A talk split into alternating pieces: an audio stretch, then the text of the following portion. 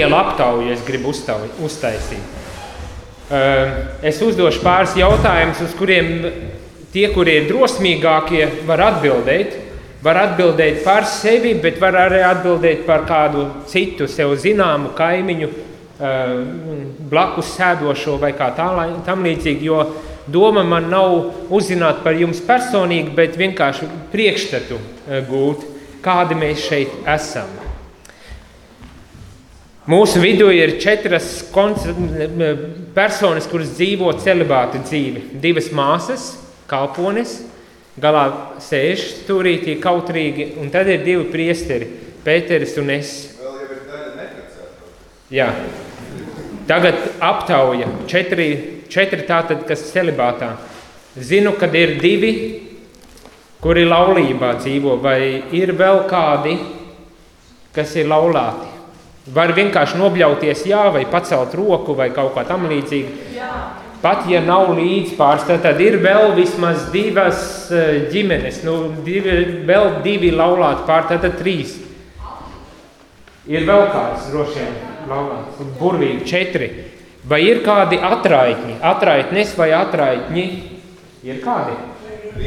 Viena burvīgi. Protams, līdzjūtība, bet, bet, bet statistikai šobrīd man vai ir kādi, kuri ir vieninieki, tādā ziņā, ka nav laulāti, nav atrājķi, bet kuri dzīvo vieni paši. Vismaz viens, divi, trīs, četri, pieci, seši, septiņi. Jā, ir tā tad diezgan liels kuplis skaits.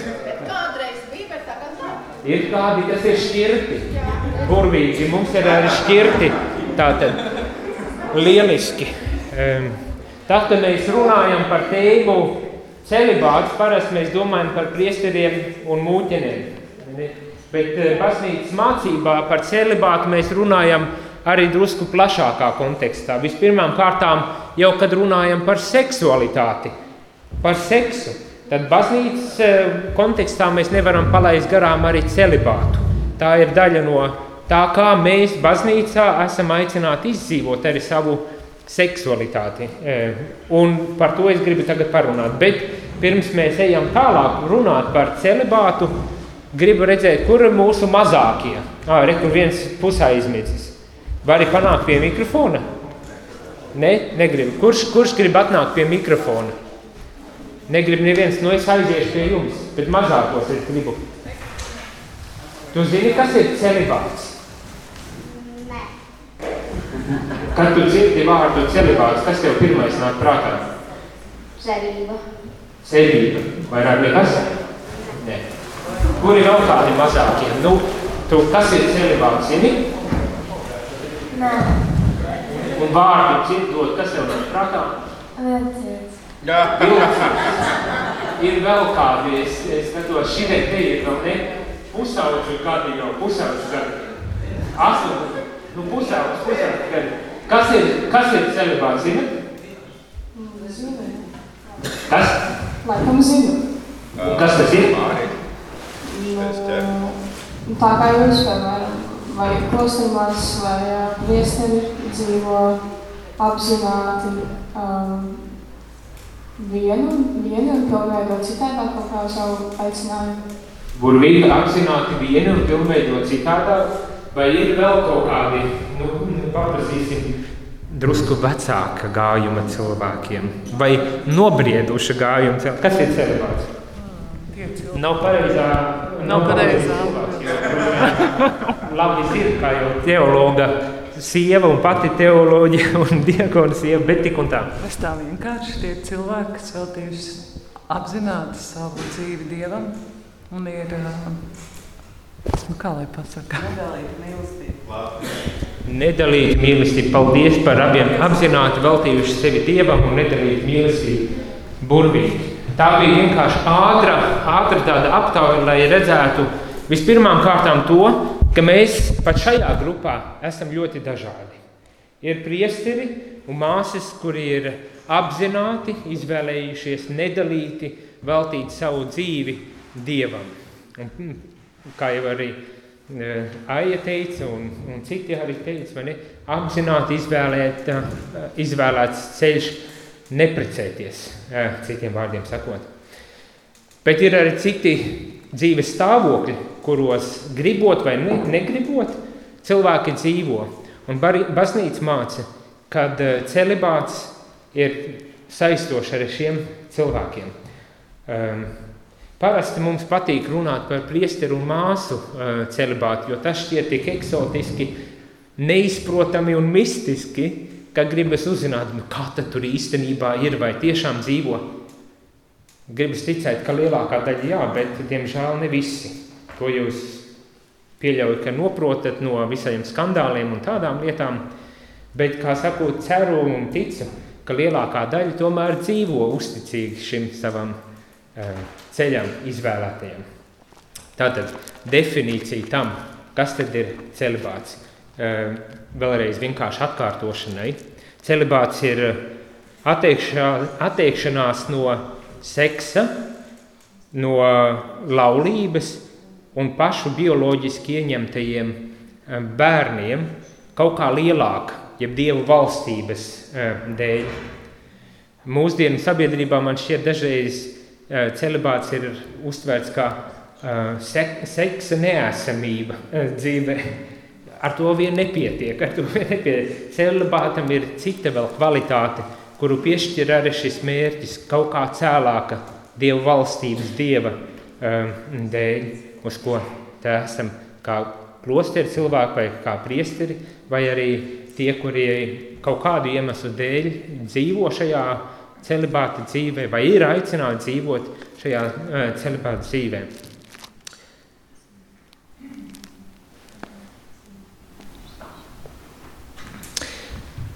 Gribu pievērsties ar dažām, varbūt tās dažiem maldiem un uh, aplamām izpratnēm par to, Eh, kas ir celibāts vai, vai kāpēc celibāts ir vajadzīgs un kā tas ir ietekmējis baznīcas, eh, vispār baznīcas tādu uztveri un, un dzīvi.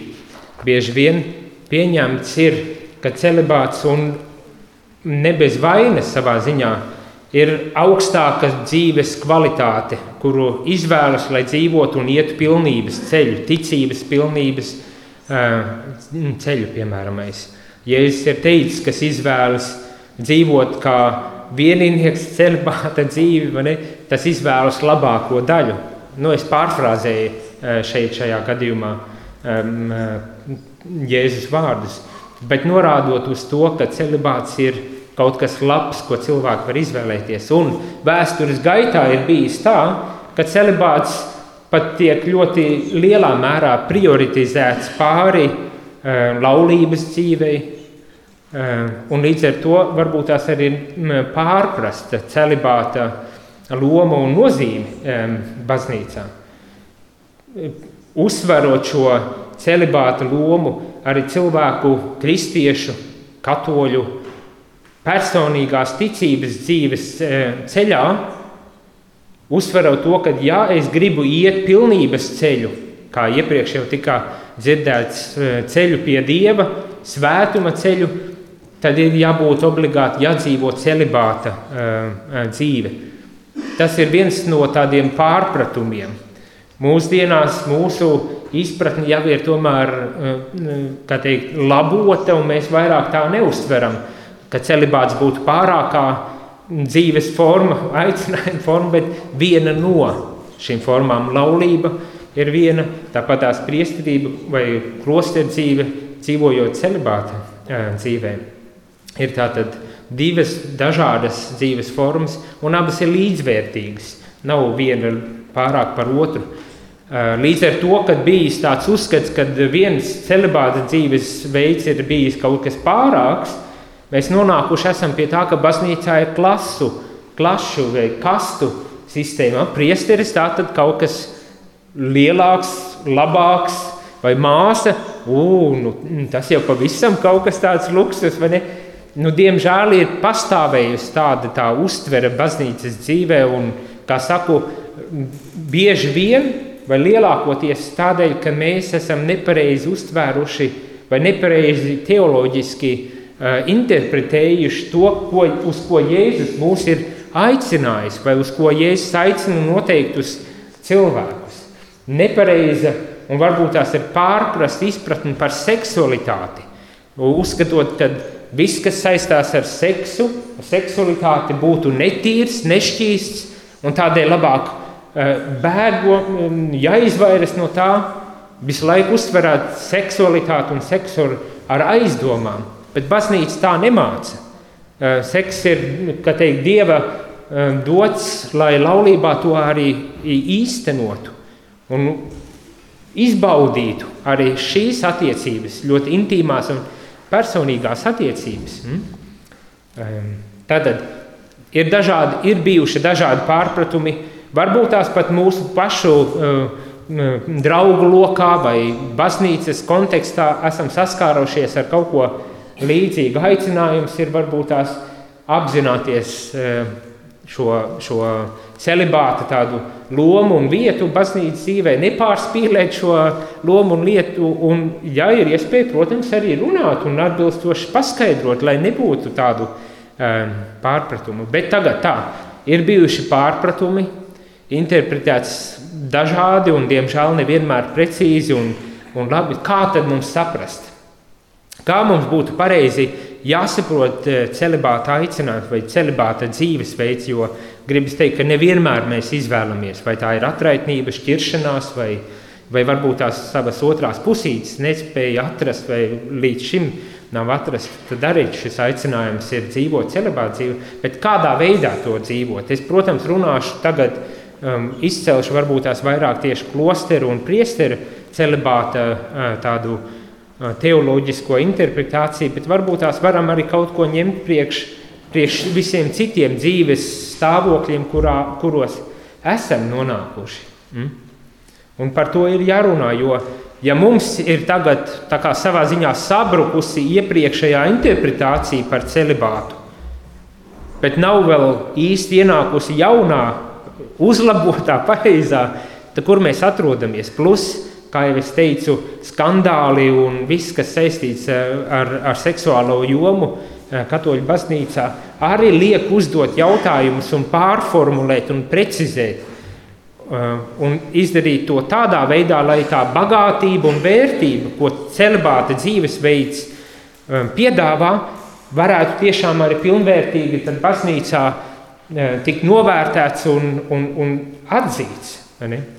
Um, Un šeit ir trīs lietas, vai trīs tādi veidi, kā mēs varam domāt par celibāta dzīvi, ehm, vai par to, kā var izdzīvot celibāta dzīvi. Un šie trīs veidi ir tātad izriet no Bībeles, protams, no Bībeles, no avotiem, kur mēs smeļamies šo garīgumu un, un izpratni. Un, un šie trīs tādi aspekti ir aicinājums, viens ļoti populārs un labi zināms, varbūt tās koncepts tūlītās paskaidrošu. Izvēle. Mums dzīvē ir dažne dažādākās izvēles, un arī šajā jautājumā mums ir jāizdara sava izvēle, iespēja robežās un harizma. Hmm?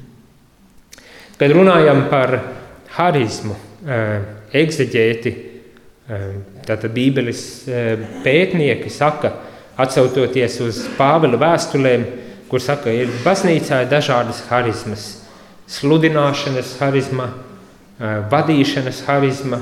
Iespējams, jūs zināt arī vēl citas harizmas, kas ir bijušas nosauktas Pāvila vēstulēs vai jaunajā derībā.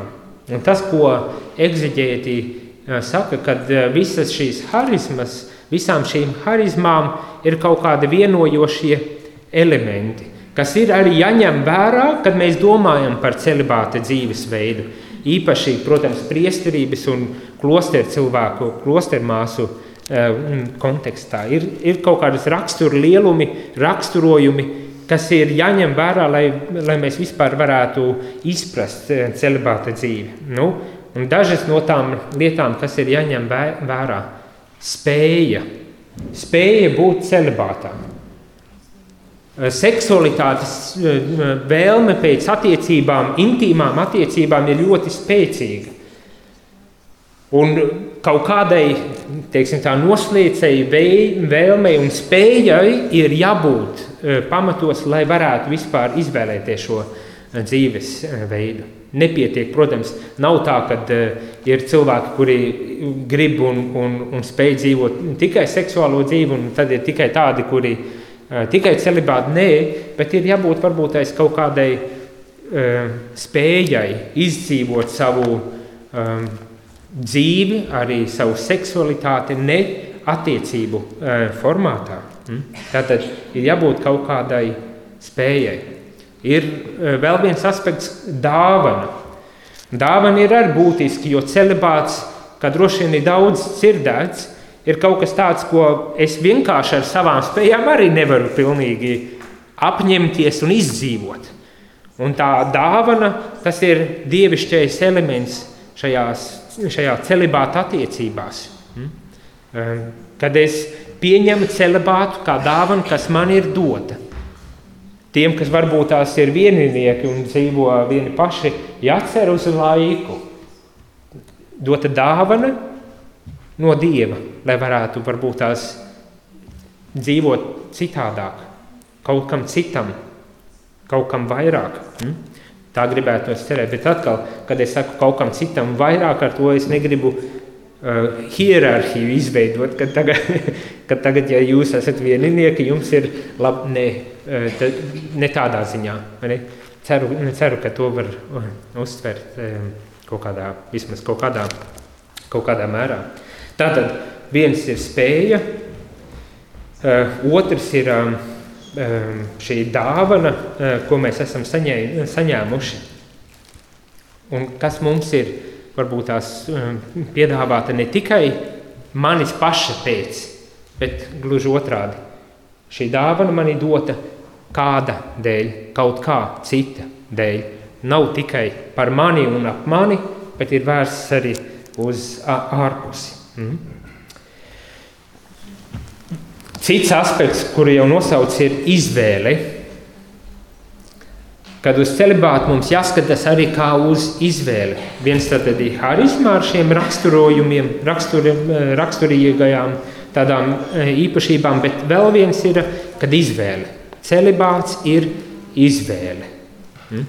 Izvēle dzīvot citādi un savā ziņā tas, ko mēs jau labi zinām, liecināt par Dievu valstību, liecināt par Dievu, liecināt par to, ka mūsu dzīve nav tikai ne, neriņķo tikai ap mums, ap mūsu vēlmēm un vajadzībām, bet kad ir kaut kas vairāk kā mūsu vēlmes un vajadzības, un izdzīvot savu celibātu dzīvi kā, dzīvi kā tādu zīmi, liecību, pieņemt šo lēmumu, dzīvot savu aicinājumu, celibātu aicinājumu, klosteru vai priesteru aicinājumu, vai cita stāvokļa aicinājumu, kā tādu zīmi kaut kam lielākam, kam, kas ir iespējams mūsu, mūsu eh, personīgajās attiecībās, attiecībās līdz cilvēkiem, ar baznīcu, ar, ar kopienu un pašam galu galā arī ar, ar sevi. Mm?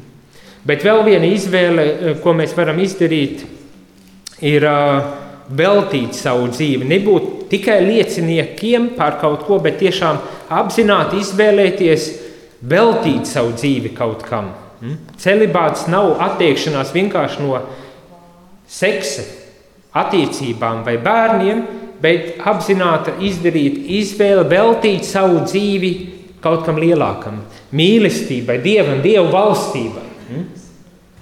Varbūt tas, tas var izpausties tiešām kā tāds sociāla kaut kāda darbība, kas manu dzīvi ir tik ļoti pārņēmusi, ka es saprotu, izvēloties dzīvot ar otro pusīti, otrā pusīte tikai cietīs. Varbūt arī tā, un es pieļauju, ka vēsturē mēs zinām, ir bijuši arī tādi cilvēki, vai tie ir mākslinieki vai uh, sociālie darbinieki, kuri savu dzīvi upurē šī cēlā uzdevuma, darba uh, nolūkos. Izdarīt, apzināti izdarīt izvēli dzīvot šo uh, dzīves uh, veidu. Un trešais aspekts, kuru, kur, par kuru mēs esam aicināti domāt un, un reflektēt, tad, kad domājam par um, celibātu, ir, protams, aicinājums. aicinājums. Mm? Dievs, protams, sauc ikvienu celibāta dzīve ir viens no šādiem aicinājumiem, uz kuru mēs tie, kuri dzīvojam, it īpaši priesterībā un klosterdzībā, dzīvē, ko mums vajag novērtēt.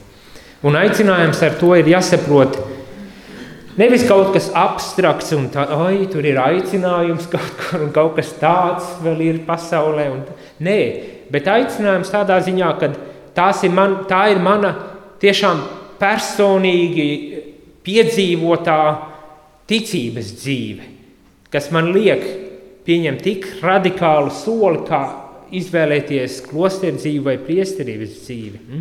Manas ļoti personīgās, intīmās attiecības ar Dievu, lūkšanu dzīvē, garīgajā dzīvē, kas noved mani pie lēmuma, ka es nevaru citādāk kā veltīt visu savu dzīvi, lai kalpotu Dievam. Hm?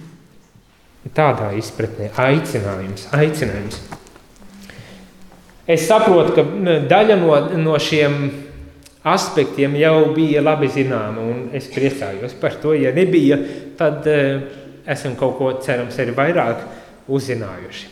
Bet, ja mēs tā pareflektējam nedaudz tālāk par, par šiem aspektiem, tad uh, mēs varam arī ātri vien atskārst, ka uh, tie nav kaut kas ikdienišķs.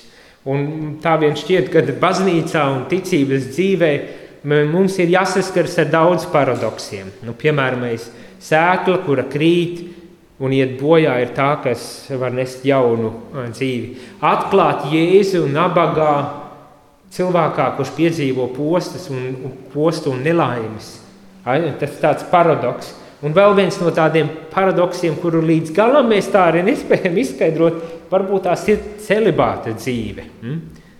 Celibāta kā tāds paradoks, kurā mēs atdodam daļu no sevis, varbūt tās pat ļoti būtisku daļu no sevis, kaut kā lielāka e, vārdā.